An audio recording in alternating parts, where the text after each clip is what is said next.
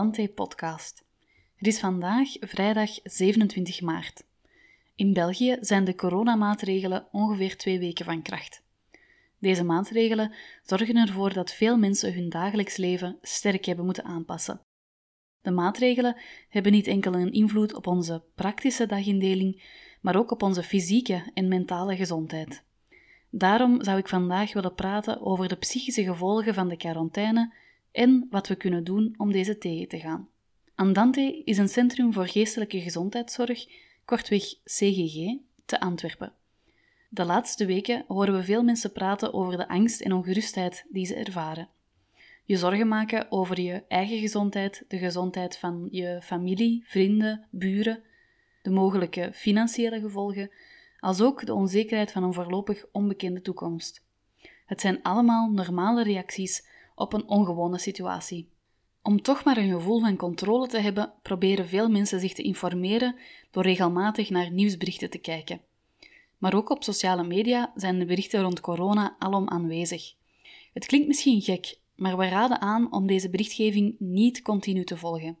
Bekijk maximum 1 à 2 maal per dag een officieel nieuwskanaal, zoals VRT, surf naar info-coronavirus.be of bel naar de corona-infolijn op het nummer 0800 14 68 9.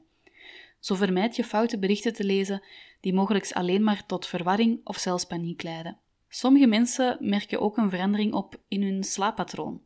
Voorbeelden zijn moeilijker inslapen, s'nachts vaker wakker worden, meer nachtmerries, piekeren en ga zo maar verder. Het is natuurlijk niet verwonderlijk dat als je meer stress voelt, deze zich ook zal uiten als je rustig in bed ligt. Wat zijn de zaken die jij al geprobeerd hebt om rustiger in slaap te vallen? Drink jij bijvoorbeeld een warme tas melk met honing voor je in bed stapt? Doe je ademhalingsoefeningen of probeer je even te mediteren? Het zijn allemaal zinvolle manieren om beter in slaap te vallen. Daarnaast is het ook altijd goed om structuur in je dag te houden. Dit betekent ook proberen op eenzelfde uur op te staan en te gaan slapen, zelfs als je de volgende dag geen afspraken hebt staan. Om je hierbij een duwtje in de rug te geven, raden we de Time Tune app aan. Of maak misschien zelf een weekschema op papier. Naast een slechtere slaap ervaren veel mensen ook een lager concentratieniveau. Ze hebben moeite met zich langere tijd te focussen op één taak. Ze zijn snel afgeleid. Anderen voelen zich sneller geïrriteerd of hebben een korter lontje. Merk jij deze klachten op? Weet dan dat voldoende rust nemen hierbij kan helpen. Las voldoende pauzes in doorheen je dag, ook als je thuis bent. De apps Headspace en Sunvelo met dubbele L, die tijdens de coronapandemie een gratis assortiment van meditatie tot slaapoefeningen aanbieden, kunnen daarbij alvast een hulp zijn. Praat ook over wat je voelt met je omgeving. Zo kunnen zij het ook beter begrijpen als je een keertje korter reageert. De quarantaine kan zorgen voor gevoelens van eenzaamheid, ook als je omringd bent door familieleden. Het is niet vreemd dat mensen zich overprikkeld kunnen voelen als ze plots continu bij elkaar zijn. Voel je niet verplicht om elke seconde van de dag samen door te brengen, maar maak ook tijd voor een me-time moment. Een voorbeeld hiervan is je terugtrekken op je slaapkamer om een boek te lezen of midden op de dag een warme douche te nemen. Bij gevoelens van eenzaamheid raden we aan contact op te zoeken, al is dat misschien van op een grotere afstand. Gelukkig bestaan er verschillende alternatieven om geplande afspraken gewoon te laten doorgaan.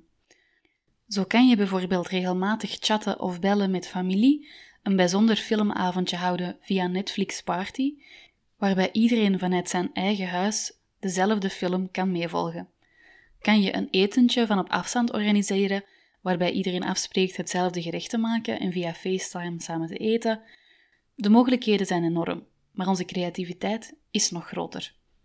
We merken dat veel mensen op zoek zijn naar wat voor hen een nuttige bezigheid kan zijn. Maar hier valt ook onder wat jou kan helpen ontspannen. Een gezonde afwisseling tussen mentale en fysieke in- en ontspanning zijn erg belangrijk. Gun jezelf de tijd en ruimte om te voelen wat je nodig hebt en probeer dit in de mate van het mogelijke uit te voeren. Zo kan een voorbeeld zijn dat je wil leren tekenen. Dit is een mentale inspanning, maar een fysieke ontspanning. Of dat je wil leren joggen via Start to Run. Dit is een fysieke inspanning, maar een mentale ontspanning. Dagelijkse beweging kan een goede manier zijn om balans te zoeken tussen in- en ontspanning. Hoewel het behalen van 10.000 stappen per dag nu misschien niet zo realistisch lijkt, zal je zien dat je er veel gemakkelijker aan komt als je om het half uur even recht staat en rondwandelt. Andere ideeën zijn het volgen van online workout-video's, zoals op de website van www.fitnessblender.com, starten met yoga dankzij de Yoga met Evi-app van Evi Gruijaert, of een rondje rond de blok lopen.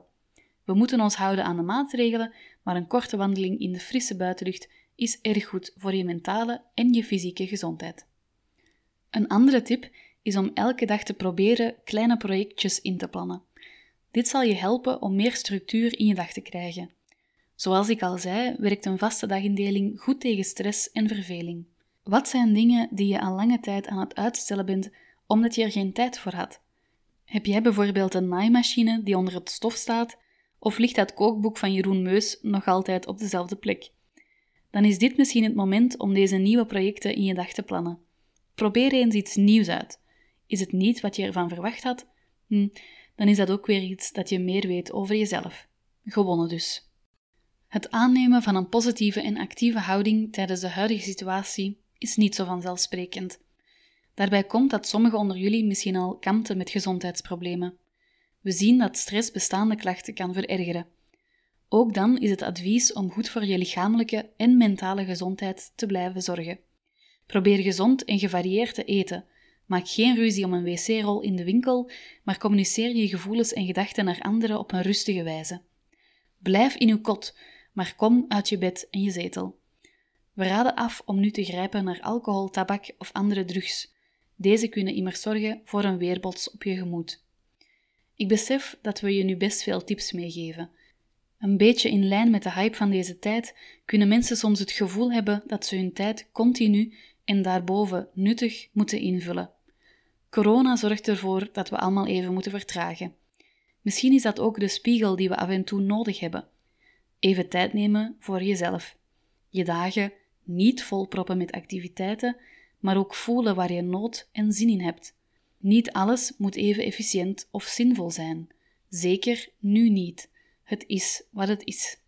Hou zeker contact met je hulpverlener.